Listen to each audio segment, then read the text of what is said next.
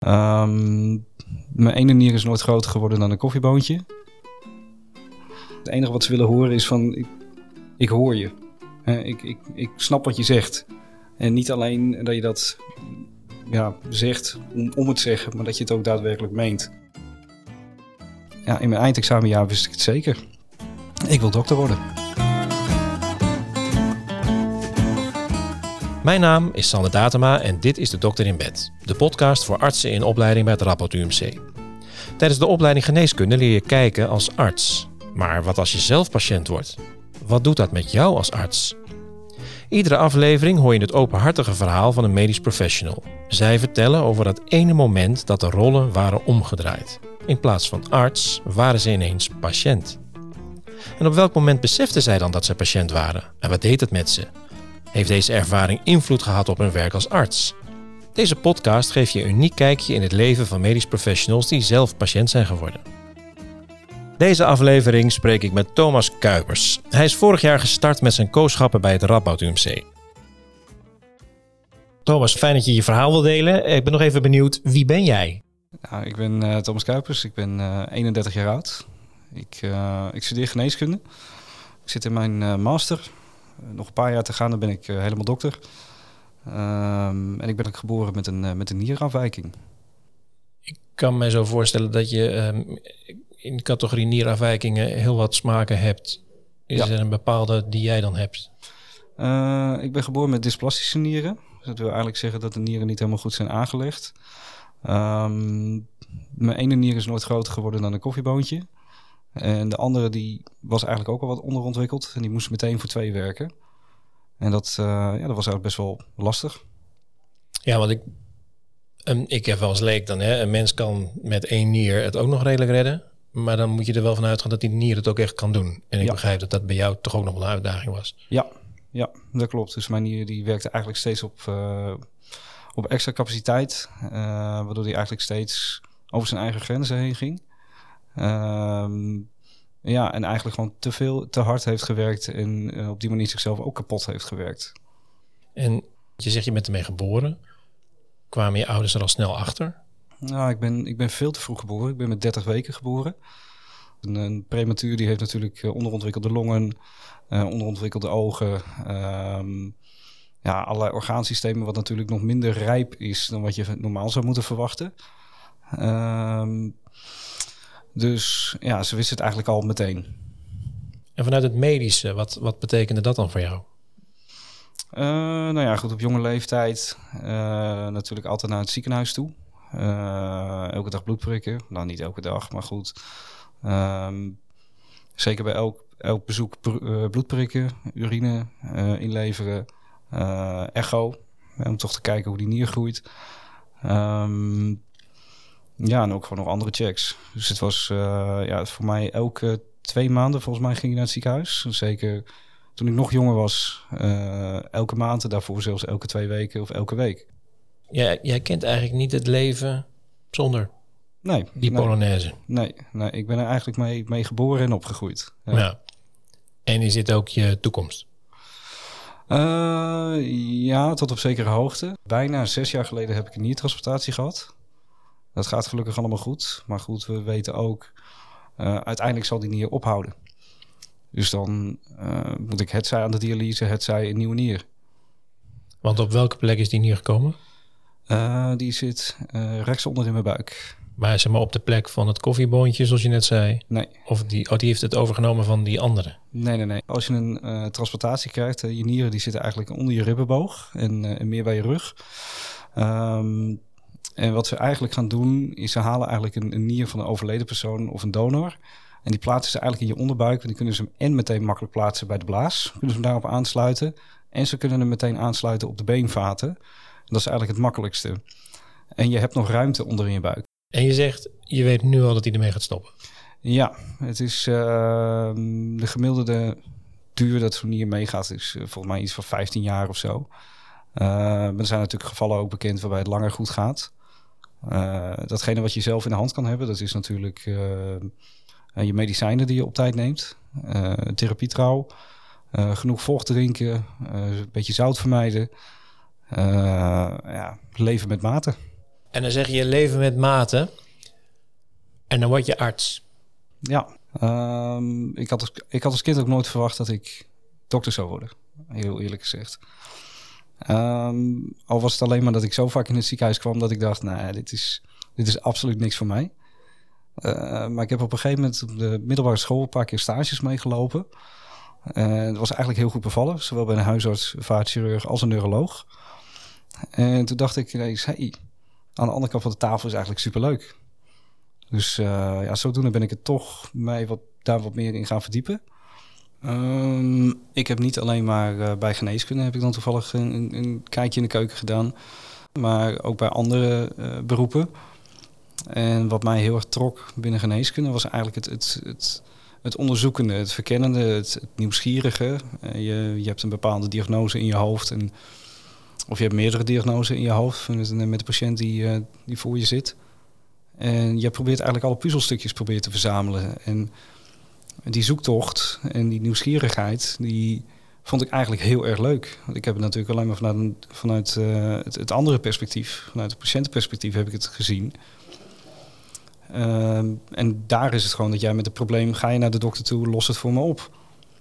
En dat hele creatieve wat erbij kwam kijken, ja, daar heb ik eigenlijk nooit zo bij stilgestaan. En ja, in mijn eindexamenjaar wist ik het zeker. Ik wil dokter worden. Je zit er nu. En ja. hoe gaat dat dan? Het eerste half jaar ging goed. En daarna ging mijn gezondheid dusdanig hard achteruit dat ik, uh, dat ik eigenlijk niet meer bij kon komen. En niet meer bijbenen. En ja, uh, vervolgens je tentamens net niet halen. Dat is gewoon, uh, gewoon heel erg balen. Maar met name die vermoeidheid.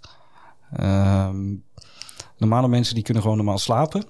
En na het, het dutje of het slapen zijn ze gewoon weer helemaal fris en fruitig. Zijn ze weer wakker.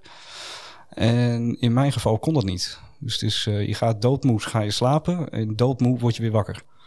Dus op een gegeven moment uh, kost denken, kost moeite. Dus uh, je hebt moeite om op woorden te komen, om op antwoorden te komen, uh, connecties te maken in je gedachten. En dat, het, alles is vertraagd. ik vergelijk het zelf altijd een beetje alsof je met je hoofd in een wolk loopt. En als die wolk er niet is, dan zie je heel snel verbindingspunten en kan je heel snel schakelen, kan je heel snel uh, denken. En door die mist, door die wolk, uh, is, is alles vertrobbeld en gaat het trager. heb je ook geen overzicht? Nee, nee. dus dat, dat was echt verschrikkelijk. en dat ging gewoon steeds sneller achteruit, steeds sneller achteruit. Dan liever maar meteen een transplantatie.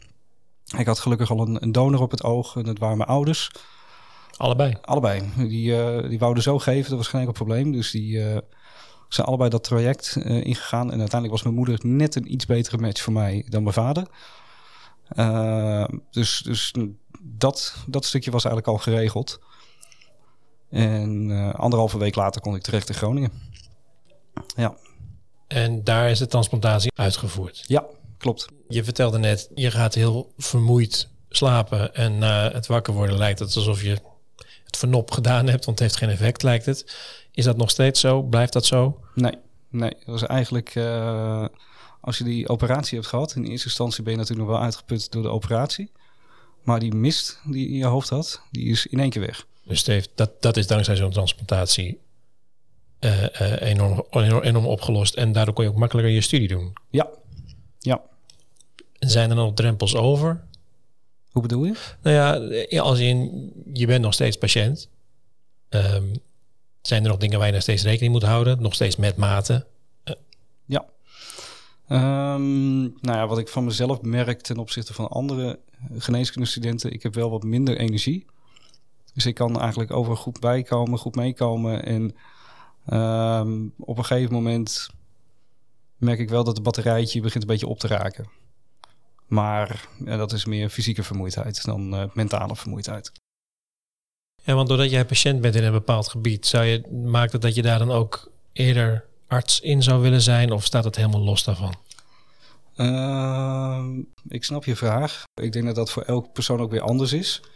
Uh, voor mij, uh, ja, ik, ik denk dat ik dat, dat ik dat wel heel erg interessant zou vinden. Maar ik ben al wel tijdens mijn studie erachter gekomen toen wij het, het onderwerp interne geneeskunde met name uh, bij nieren uh, en, het kopje uh, transplantatiegeneeskunde kwamen, dat dat ik dat toch wel heel confronterend vond. Tijdens mijn chirurgiekooschap uh, ben ik bij een, uh, een niertransplantatie geweest, bij meerdere. Ik mocht ook assisteren, dat ging allemaal goed. En toen die nier was aangesloten en het niet goed leek te doen, toen, toen begon ik me echt wel misselijk te voelen. En ik, ik, ik, had wel op gerekend dat het, dat het moeilijk zou zijn. Maar ik had er niet op gerekend dat ik flashbacks zou krijgen. Hmm. Dus ik kreeg toch een soort herbeleving. En uh, dat was ook een, een levende uh, transplantatie. Dus bij een transplantatie bij leven van een, van een levende donor. En ik zag mijn eigen donor daar liggen. Dat is mij wel zwaar gevallen. Um, dat, dat kan natuurlijk gebeuren, dat je als co-assistent iets meemaakt. Uh, en in jouw geval dat je iets meemaakt wat heel dichtbij komt. Hoe, hoe is, ben je daarna, is er een soort van nazorg geweest? Um, echt, uh, echt een stukje psychische hulp heb ik niet echt gehad. Maar voor die transportatie die niet zo goed ging, hè, bij die, uh, waar, waar, ik zelf mee mocht assisteren, dat heeft me wel aan het denken gezet. Uh, toch wel een beetje van shit, het zit, het zit toch wel vrij diep bij mij. Dieper dan ik dacht. Ik dacht dat ik het, het, het een plek had gegeven, maar blijkbaar niet. Waren de artsen zich daar ook van bewust? De impact? nee, dat was, dat, dat was moeilijk. En of dat nou moeilijk was vanuit mij of uh, überhaupt moeilijk, ja, dat, dat, dat weet ik niet helemaal. Waar ik wel wat aan had gehad, als, um, als er misschien iets van een soort buddy systeem was geweest in het ziekenhuis. Dat je bijvoorbeeld uh, jongeren die ook een transplantatie al hebben gehad, dat ik daarmee kon sparren. Ja, en dan hebben ze misschien, zou het niet de arts zijn, hoeven zijn, die dat letterlijk benoemd, maar tenminste weet dat het fijn is om voor te voorzien in zoiets als een buddy systeem.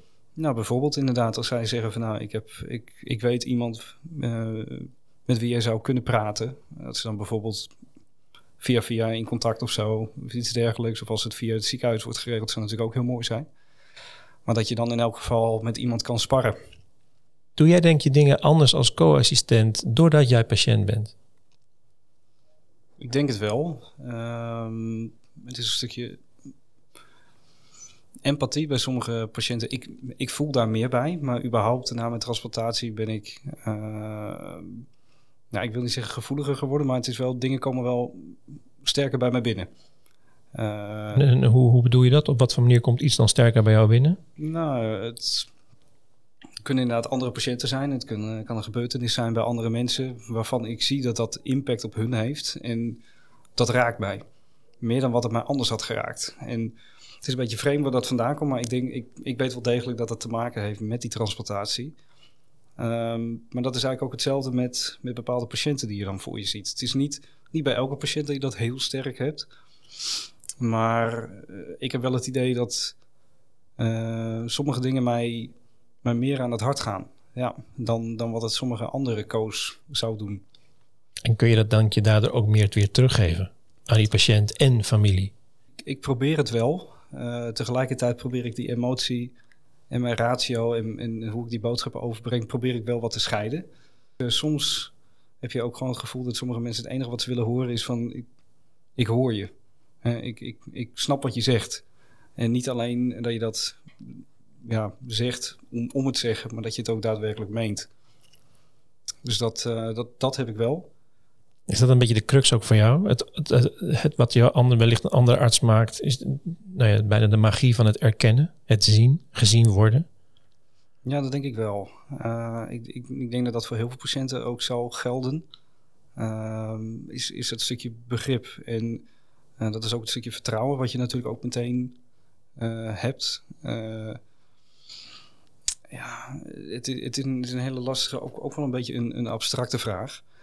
Ehm, nee, maar het is, het is een stukje gevoel. Het lijkt mij een open, een open deur. Iedereen wil heel graag gezien en gehoord worden. En helemaal als er iets aan de hand is. Toch hoor ik jou vertellen dat het niet altijd zo vanzelfsprekend aanwezig was. Dat gezien worden. En neem jij dat dus volgens mij heel erg mee in jouw arts zijn. En wellicht ook in hoe jij anderen weer daarin mee wil nemen. Ja, ja, nou ja, wat, hè, wat, wat, wat ik zelf heel erg heb ervaren is... Uh, een, een patiënt is meer dan alleen de ziekte. en, en, en, de ziekte die uh, belemmert je in, sommige dingen. En soms is de, is de therapie die je krijgt belemmert je weer in andere dingen. Maar het, het, het stukje wie jij bent eh, en wat jij opgeeft of wat jij moet opgeven, gedwongen. Uh, het zij van therapie, het zij door jouw ziekte, bepaalt niet wie jij bent. En ik denk dat dat voor heel veel patiënten toch wel belangrijk is dat ze dat te horen krijgen. Thomas, uh, je hebt me een aardig kijkje gegeven en de luisteraar ook in hoe het is om en patiënt en toekomstig in jouw geval arts te zijn. Dankjewel. Dankjewel. Dank voor het luisteren naar deze aflevering van de Dokter in Bed. Heb je vragen naar aanleiding van deze podcast? Mail dan naar de dokterin.radboudumc.nl. Deze podcast is een productie van het Radboud UMC op initiatief van Bart Post.